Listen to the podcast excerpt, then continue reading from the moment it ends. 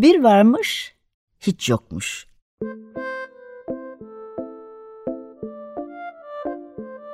Çocuklara, büyüklere hikayeler, masallar ve müzikler. Hazırlayan ve sunanlar Memo Sağlam, Hande Tecik Öztürk ve Tuğba Zehra Sağlam.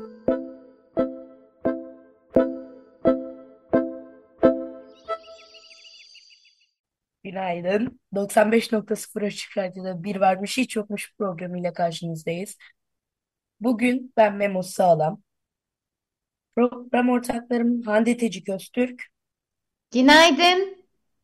ve Tuğba Zehra Sağlam Günaydın. ile birlikte Babam ve Ben kitabını okuyacağız. Tudem Evet, yayınlarından 12. baskı. 12. baskı bakıyorum hemen. Bilen var mı? 12. baskı Gündem yayınlarından çıktı. Evet. Kaç yılına bakmaya çalışıyorum.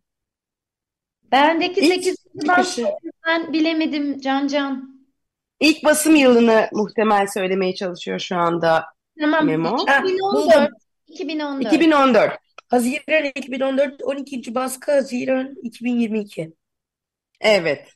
2000 İlk adet. 2000'i. Evet. Evet, Bir de başlamadan önce pardon özür dilerim. yok lütfen söyle. Lütfen söyle Memo'cum. İlk 10 ba- ilk 11 baskı toplamı 34 bin adet.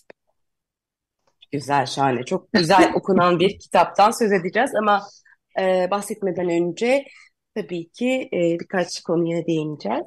E, ilk olarak 15 Eylül günü e, kaybettiğimiz meteoroloji yüksek mühendisi e, ve aynı zamanda açık radyo programcımız e, Gökhan Abur'u kaybetmenin üzüntüsü içerisindeyiz. Bugün 17 Eylül Pazar günü Üsküdar Şakir'in Camii'nde ve cenaze töreninden sonra son yolculuğuna uğur, uğurlanacaktır.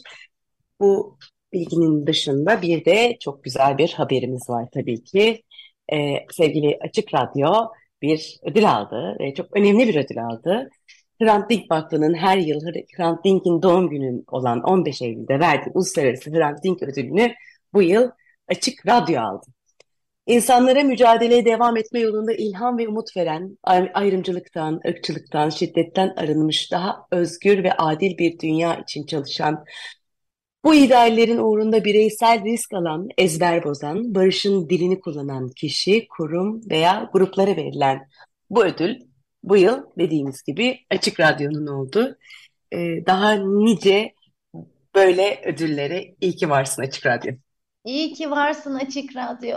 Tebrik ediyoruz.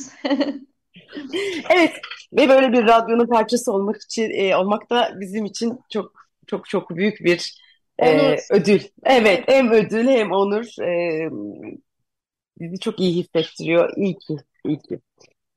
E, evet Memo'cum devam edebiliriz. E, ne yapalım, nasıl yapalım? Önce bir parça okumak Okuyoruz. ister misin? Evet. Evet bence öyle yapalım. Bölüm okuyalım. Hadi bölüm okuyalım. Buyurunuz sizdeyiz. New York'ta bugün kar yağıyor. 59. da caddedeki evimin penceresindeki yöntem yönetmekte olduğum dans okuluna bakıyorum. Bale kıyafetlerinin içindeki öğrenciler camlı kapının ardında point ve antraş yapmayı kestiler. Asistanım olarak çalışan kızım gevşemeleri için onlara caz müziği eşliğinde birkaç adım gösteriyor. Birazdan yanlarına gideceğim. Öğrenciler arasında gözlüklü küçük bir kız var. Derse başlamadan önce onun yaşlarındayken Bayan Dismo- Dismailova, Bayan Dismailova'nın sınıfında yaptığım gibi gözlüklerinin sandalyeye bıraktı. Gözlüklerle dans edilmez. Bayan Disma, Dismailova ile çalıştığım dönemde gözlük takmaya çalıştığımı hatırlıyorum. İnsanlar ve nesneler keskinliğini kay- kaybediyor. Her şey niteliğini yitiriyordu. Sesler bile gittikçe daha boğuk bir hale gel- daha boğuk bir hale geliyordu sanki. Gözlüksüz gördüğüm dünyayı granitler, granitleri ve çıkıntıları yoktu.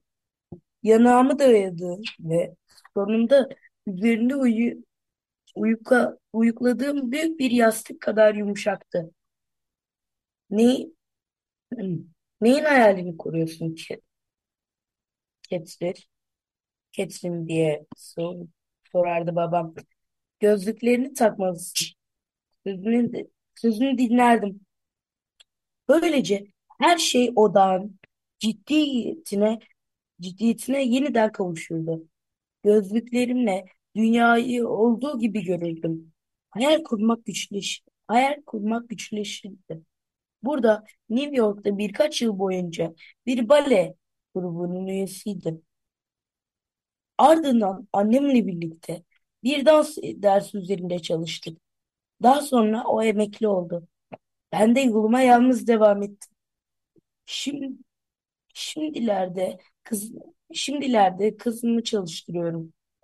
Aslında babamın da emekli olması gerek. Ama o bu konuda bir türlü karar veremiyor. Babam, babamın tam olarak ne işi yaptığını hiçbir zaman çözemedim. Annemle birlikte. Bugünlerde Amerika'daki küçük bir evde yaşıyor. Aslında bizimle ilgili söyleyecekleri çok bir şey yok. New York'un sıradan insanlarıyız. Biraz tuhaf olan tek şey Amerika'ya taşınmadan önce 10. bölgede geçirdiğim çocukluğum. Bundan neredeyse 30 yıl önceydi. Babam ve ben. Yalnızca ikimiz. İlk dans dersimi çok iyi hatırlıyorum. Babam semtimizdeki bir dans okulunu seçmişti. Öğretmenimiz Bayan Galina Dismailova bana doğru yönelmişti. Hmm, gözlüksüz dans etmen gerekecek. Başlarda gözlük kullanmayan arkadaşlarıma imrenmiştim. Onlar için her şey basitti ama düşününce bir avantajım olduğunu fark ettim. Gözlük takıp takmamama bağlı olarak değişen iki ayrı dünyada yaşama şansına sahiptim. Üstelik dans dünyası gerçek hayattan farklıydı. Yürümek yerine sıçradığımız ve ayaklarımızı birbirine vurarak zıpladığımız bir yerdi. Evet, tıpkı gözlük takmadığım zamanlar gibi bulanık ve yumuşak bir hayal alemiydi. İlk dersin bitiminde hemen babamın yanına gittim. Gözlüksüz dans etmek beni hiç rahatsız etmiyor. Sesimdeki kararlılık babamı şaşırtmışa benziyordu. Eğer gözlüksüz her şeyi net görebilseydim, daha kötü dans ederdim. Bu benim işime geliyor. Haklısın dedi babam. Benim gençliğimdeki gibi olacak. Gözlüklerini takmadığında diğer insanlar bakışlarında bir tür buğu ve tatlılık bulacaklar. Yetişkinler bunu çekici bulurlar. Deyip bölümü bitiriyorum. Can Can. Aa, çok güzel. Ee, Babam ve Ben. Kitabımızın adı Patrick Modiano yazar, e, tabii ki çizer Can Can Sempe. Can Can. Can Can. Jean-Jacques Sempe çizerimiz. Can Can çok güzel bir bölüm okudun. Aslında ben bu bölümü böyle biraz eklemek istedim. Can Can'ın bölümü e, şöyle. Kitap bizi aslında ilk sayfa bu Can Can'ın okuduğu bölüm. İlk sayfadan o günü anlatıp aslında günü anlatıp 30 yıl önceye taşıyor. Anne olmuş bir kadın e, ve yine dans e, stüdyosunda çünkü annesi gibi o da bir dansçı, balerin. E, fakat dans dersinde bir çocuğu gözlemliyor. Aslında tıpkı tıpkı onun çocukluğunda, Catherine'in çocukluğundaki gibi gözlüklü bir çocuk dans ederken onu görüyor ve kendi çocukluğuna uzanıyor. Aslında şey diyor, çok basitsiz. Biz de her insan gibi sıradan bir aileyiz. Fakat e, tuhaf olan şey benim e, 10. bölgede, Paris'te 10. bölgede geçirdiğim çocukluğumdu diyor ve bizi bu çocuk olan Catherine'le tanıştırmaya e, götürüyor aslında neredeyse 30 yıl önceye. Babasıyla e, birlikte geçirdiği o yıllara Paris'in 10. bölgesinde yaşadığı o yıllara. Çok tatlı bir baba kız hikayesi aslında. Kızıyla hayatını paylaşan bir baba var. Ee, şey kitabın kapak resminde de öyle. Kızını öyle güzel taşıyor ki e, sağ omzunun üstünde ve kızı da doğrudan karşıya bakan, ona çok güven duyan e, bir çocuk olarak babasının omzunda. E, parka gidiyorlar, e, dans kursuna yazdırıyor kızını ve e, hep kadınlarla birlikte, ebeveynler genelde kadınlar oluyor çocuklarını dans kursuna götüren. Onlarla birlikte e, çocuğunu beklemekten keyif alıyor aslında baba. Ve çok güzel öğle yemekleri restoranda. İşte Catherine'in okul çıkışında babanın da aslında e, iş paydosundaki anlar hep birlikte vakit geçirdikleri an. E, ve tabii yazar bizi bir gözlük üstünden değil mi? Aslında gözlük çok simgesel bir şey belki ama gerçek bir nesneden bahsediyoruz. E, Catherine'in gözlük takıyor olması onu ayrıcalıklı kılıyor. Gözlüklü küçük bir dansçı kız aslında var. Ee, ve gözlüklerle dünyayı olduğu gibi görüyor. Hayal kurmanın güç olduğundan bize bahsediyor kitap boyunca. Ve gözlüklerimi çıkarttığımda işte o diğer, benim içimdeki o gerçeküstü dünyaya yani hayallerimin olduğu o dünyaya dalış yapıyorum diyor ve bunu e, özgürlüğü olarak aslında ifade ediyor. Buralardan konuşabiliriz. E, istiyorsanız önce birazcık yazardan söz edelim. Lütfen biraz yazar. Ee, tabii şunu da söylemek gerekir. Yazarı ve çizleri söyledik. Ee, ama e, çevirmenimiz Sibel Çekmen'i de e, ben burada kutluyorum. Özellikle hani e, Fransız Fransa'da geçen bir yer olduğu için Fransızca kelimelerde o hocaların yazım tekniği, dili o kadar tatlı olmuş ki okurken de bunu birebir canlandırılabiliyor. Şimdi senden biraz yazar hakkında e, Nobel Edebiyat Ödüllü bir yazarımız zaten. Biraz senden dinleyelim. 2014'te almış e, edebiyat ödülünü yazar. E, tabii hı hı. ki çocuk kitapları da yazıyor fakat tek çeviri sanıyorum ki değil mi yanılmıyorum Babam ve Ben Tudem'den. Evet evet. Çocuk kitapları arasında bir tek bu, bu kitabını görüyoruz. E, aslında şey yetişkin edebiyatına da tabii ki e, çokça üreten bir yazar. Fakat ben e, yabancıyım bu anlamda Patrick Modiano'nun edebiyatına. E, babam ve benle tanıdım ve böyle kaldı. E, umarım hani bu anlamda şey geliştireceğiz ve okuyacağız. Modiano yaşıyor. 78 yaşında bir yazar. E, Patrick Modiano 45 yılında doğuyor. Aslında tam da 2. Dünya Savaşı'nın sonunda e, dünyaya geliyor Paris'te dünyaya geliyor ve döneminin gerçekten en yetenekli yazarlarından. 68 yılında ilk romanını yayımlıyor Yıldız Meydanı. Tabii ki burada da e, işgal altındaki Paris'i anlatıyor. Çünkü kendisi aynı zamanda e, Yahudi kökenli bir yazar. Soykırıma uğramış Yahudi kökenli bir yazar. Baba tarafında. Evet, baba tarafında anne Belçikalı. E, fakat şey zor bir çocukluğu geçiyor. Çünkü şöyle iddialar var aslında. Tabii ki bunlar iddia ama birkaç makalede de okudum. E, yetiştirme yurtlarında büyüyor. Çünkü babasının e, Nazilerle işbirlikçiliği yaptığı konuşuluyor o dönemde. E, çünkü şey sarı yıldız takmak zorunda kalmamış hiçbir zaman babası. Bunlar tabii iddia olarak da olabilir. Bir e, fakat makalede de bunun altını çizmişlerdi zor bir çocukluk geçiriyor. Zaten hani tarih açısından, dünya tarihi açısından e, bir soykırım dönemi, bir dünya savaşının hemen ardında e, doğuyor ve e, onun izleriyle büyüyor. O yüzden eserlerinde de e, işgal altında kalan Paris'i çokça e, resmediyor. Ee, daha sonra babam ve ben aslında 60'lı yıllara çocukluğunu Paris'teki Gare Nord. Gare Nord'u bilirim biliyor musunuz? Ee, e, benim ilk yurt dışı e, serüvenimdi. Tecrübe. Paris. Ve Gare Nord'u ilk gördüğümde Gare Nord Paris'in çok büyük kuzey garı. E, muazzam bir gar istasyonu. Gerçekten böyle hani e, hayatın merkezi gibi bir şey diyebilirim orayı. E, bu Babam ve Ben kitabında da aslında şey yine bu, bunda da babası e, şöyle bir şey söylüyor. Babasının babası aslında büyük babası, Catherine'in büyük babası söylermiş. Çünkü Garden ortalar ve şey diyor. E, ilk şehre taşındığımızda buraya yerleşmiştik. Çünkü ayrılırsak çok kolay olsun diye. Gardner öyle bir yer Kuzey Garı. E, bunu da tabii ki e, bundan da söz ediyor babam ve ben de.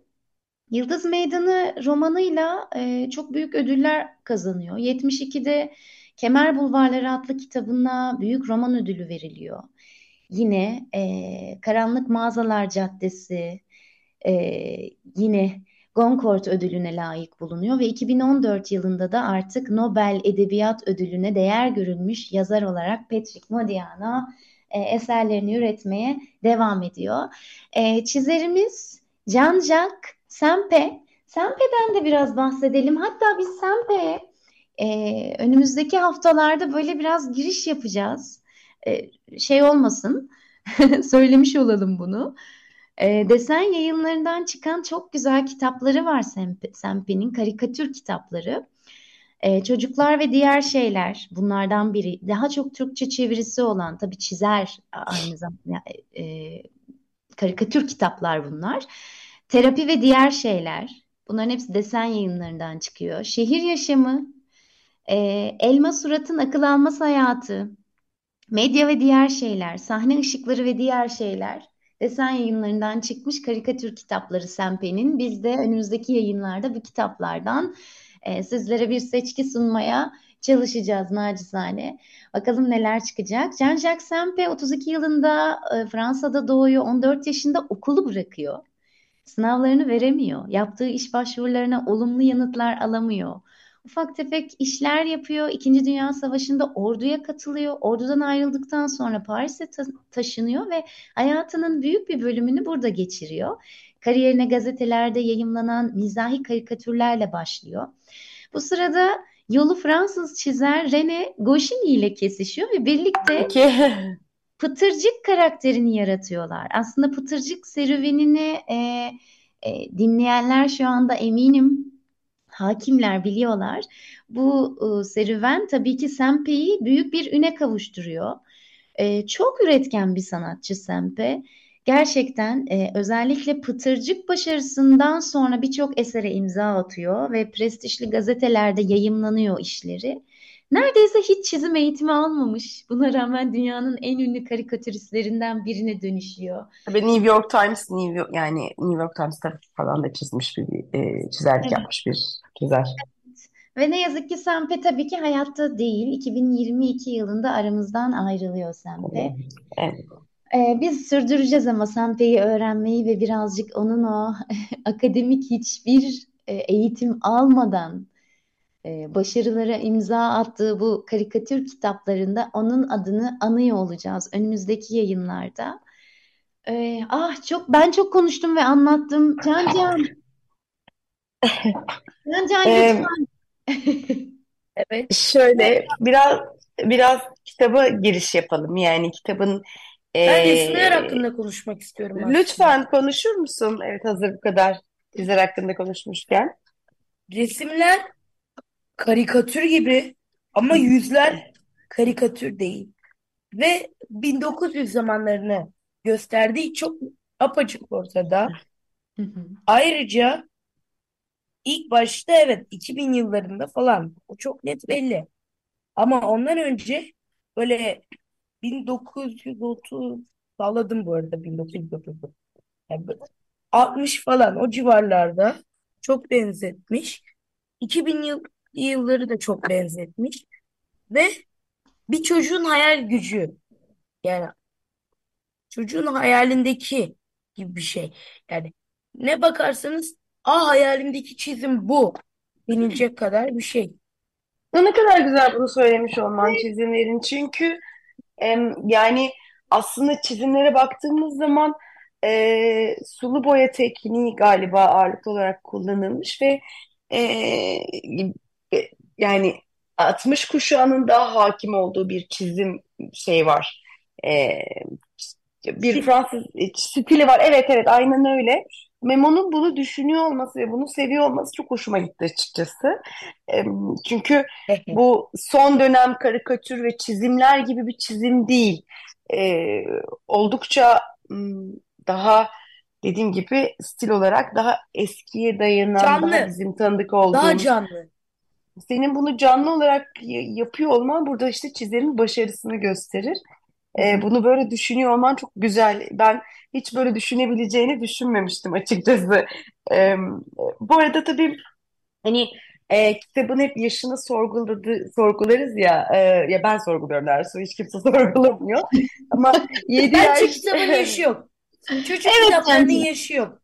Katılıyorum Tabii ki yok. Can. Tabii ki yok. Ama bunu e, 3 yaşındaki bir çocuğa okursunuz da hani herkesin aldığı şey farklıdır. Haklısınız arkadaşlar ama e, hani mesela e, e, tabii bunu söylesem de olmuyor. Yani üniversiteye hazırlanan bir arkadaşımın da e, işte iki yaş için hazırlanmış kelimeleri öğreten kitabı okumadığı gibi gibi. Yani bundan bahsediyorum. Tabii ki hiçbir kitabının yaşı yok. Ama bu kitabı bir e, 8 yaş itibariyle 7-8 yaş itibariyle daha çünkü her kitapta anlama kapasitemiz farklıdır. Yani benim bu kitapta senin anladığın farklı, benim anladığım farklı ama yine her kitabın bir Bence yaşı bir durum var. bence 7-8 yaş değil. Yani Öyle mi? Sence ne? şöyle bence direkt istediği yaştan başlayabilir ama bence başlangıç yaşı 5-6 yaş. Yani kitap için mi? evet çünkü resimlerinden de bir şey anlıyorsun. Resimlerinden de Tamam, başka tabii bir ki. hikaye anlıyorsun. Tabii ki yani resimlerinden de başka ona bakarsan 10 15 yani senin yaşında okuduğunda da farklı bir yorum alacağım.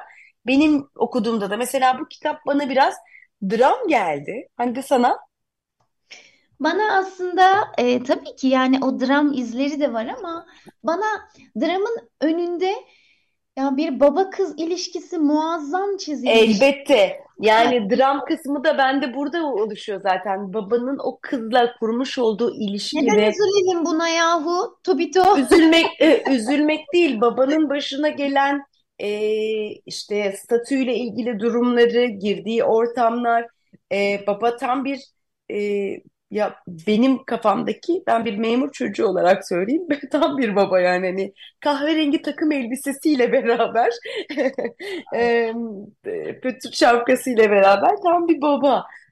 Ama girdiği oradaki resimlerde de ya da kitap hikayelerde de girdiği ortamda e, karşılaştığı durumların çocuğuna yansıtmamaya çalışması, çocuğun kafasındaki o dünya. Sanırım babam e, böyle hissetti diye söylemesi ama bunu belli etmedi. Çocuğun bunu anlamış olması, e, babanın bu vermiş olduğu büyük savaş e, çok Ama hiç kıymetli. değil mi? Mesela bak anne yok yanlarında. Anne nerede? Anne Amerika'da. Anne hayallerinin peşinde. Anne hayalleri peşine gitmiş. Evet evet Yani yani. fakat baba hani hiç bu durumu e, kötülemiyor. E, kadar güzel konuşuyorlar değil mi? E, bu çok güzel bir ilişki. Yani Çok. baba sadece ebeveyn olarak babası var kızın yanında. Anne çünkü hayallerinin peşinde. Fakat annesinin dansçı olduğunu ve orada olması gerektiğini ne kadar güzel işliyor. Çok tatlı. Kesinlikle, kesinlikle. Ee, Hiç bence tabii ki bence özellikle bu noktada da e, örnek bir kitap ebeveynler için örnek bir kitap olduğunu düşünüyorum Evet. burada da. E, buradaki o tatlı hikaye babanın bu vermiş olduğu savaş e, benim için bir dram. Yani şey değil böyle karalar bağlamıyorum ama Evet. Evet. ah dedirten, hafif bir tebessüm ettiren bir kitap oldu benim için bu. Evet. Çok güzel.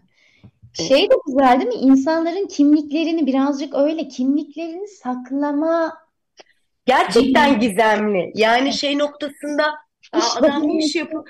Tabii tabii adam ne iş yapıyor gerçekten? Çünkü e, kızın e, anlamaya çalıştığı babasının iş yerindeki gizemi çözmeye çalışan Catherine. Yani ne iş yaptığını çözemiyor. Allah ben hmm, kargo test şey mi acaba? E, ne, ne iş yapıyor acaba? Yoksa işte gümrük mü? Yani ne olduğunu anlayamadığım benim de ve o dil o kadar tatlı bir serüvenle gidiyor ki gerçekten kitabı şey diyor. "Hmm, acaba sonunda ne olacak diye ilerliyorsunuz. Ve çok güzel bağlıyor. Ta- tefs- şeyler çok güzel. Ee, anlatma biçimi, dil çok iyi. Hı hı. Ee, tasvirler çok güzel. Ee, gayet böyle hani görüyorsunuz resim var ama resimdeki detaylar zaten Anne babayla yazarın etkisiyle. Hı hı. Pardon. Üzülerek bir şey söylemek istiyorum. Programımızın sonuna geldik diyeceksin değil mi? Evet. E, iki üç dakikamız daha var. Hande son cümleyi alalım senden. Bir şey Okey. söylüyorsun. Aa, söylersem açılmış olur. Toparlayıcı bir şey söyleyeyim o halde. Anneyle baba dedin ama e, Babanın çok güzel bir e, ya şey anne babanın tanışma hikayesi de çok tatlı. evet. Neredeyse diyor baba- çok babası anlatıyor diyor ya. Neredeyse taşıyıcı olmak üzereydim. Hani şey o kargo işi mi yapıyor artık bilmiyorum. Hani okuyan e, güzel çocuklar bir baksın bakalım Catherine'in babası gerçekten ne işle meşgulmüş. E, fakat şey Annesini taşıyormuş ya o da. Çünkü e, Fransa'da revülerde e, tanışıyor aslında annesi dansçı ve babası da taşıyor, figüranlık yapıyor. Gerçekten dansçıları sırtında taşıyor. Ve evet kapattaki fotoğraf da o. Yani resim de o. Yine evet Catherine. şeydeki 72. sayfadaki değil mi? Şey diyor Casino diyor ben aslında diyor senin öğretmeninle arkadaştım ama diyor e, beni tanımadı diyor çünkü e, artık eskisi gibi genç bir adam değilim ama eskiden de hiç fena değildim diyor. Ve, Figüranlık yapmak istemiş evet ve annesini taşırken evet Ve öğretmeni de Dizmaylova'da değil aslında. Şey çok güzel. Son cümleyle bağlayalım o halde. Kimlikler, isimler değiştiriliyor ya ve senin öğretmenin aslında diyor Rus asıllı da değil ve adı Galina Dizmaylova da değil. Ben onu tanıyorum diyor. Ee, ve şöyle diyor. Keşke diyor o zaman konuşsaydın. Gerçek adıyla Odet deseydin o zaman ona baba keşke diyor öğretmenime. Hayır diyor. İnsanlara hayallerindeki kişiyi yaşamalarına izin vermeliyiz. Bu büyüyü evet bozmamalıyız. çok çok güzel bir cümle. Evet. Bununla bağlayalım o zaman. Buyurunuz efendim. Çok güzel bir kitaptı. Teknik masada, masada Berhem. Teşekkür ederiz. Teşekkürler Berhem. O halde haftaya Teşekkürler. görüşmek diyorum ve Evet, ben haftaya başka bir kitapla görüşmek üzere. Hoşça kalın. Görüşürüz.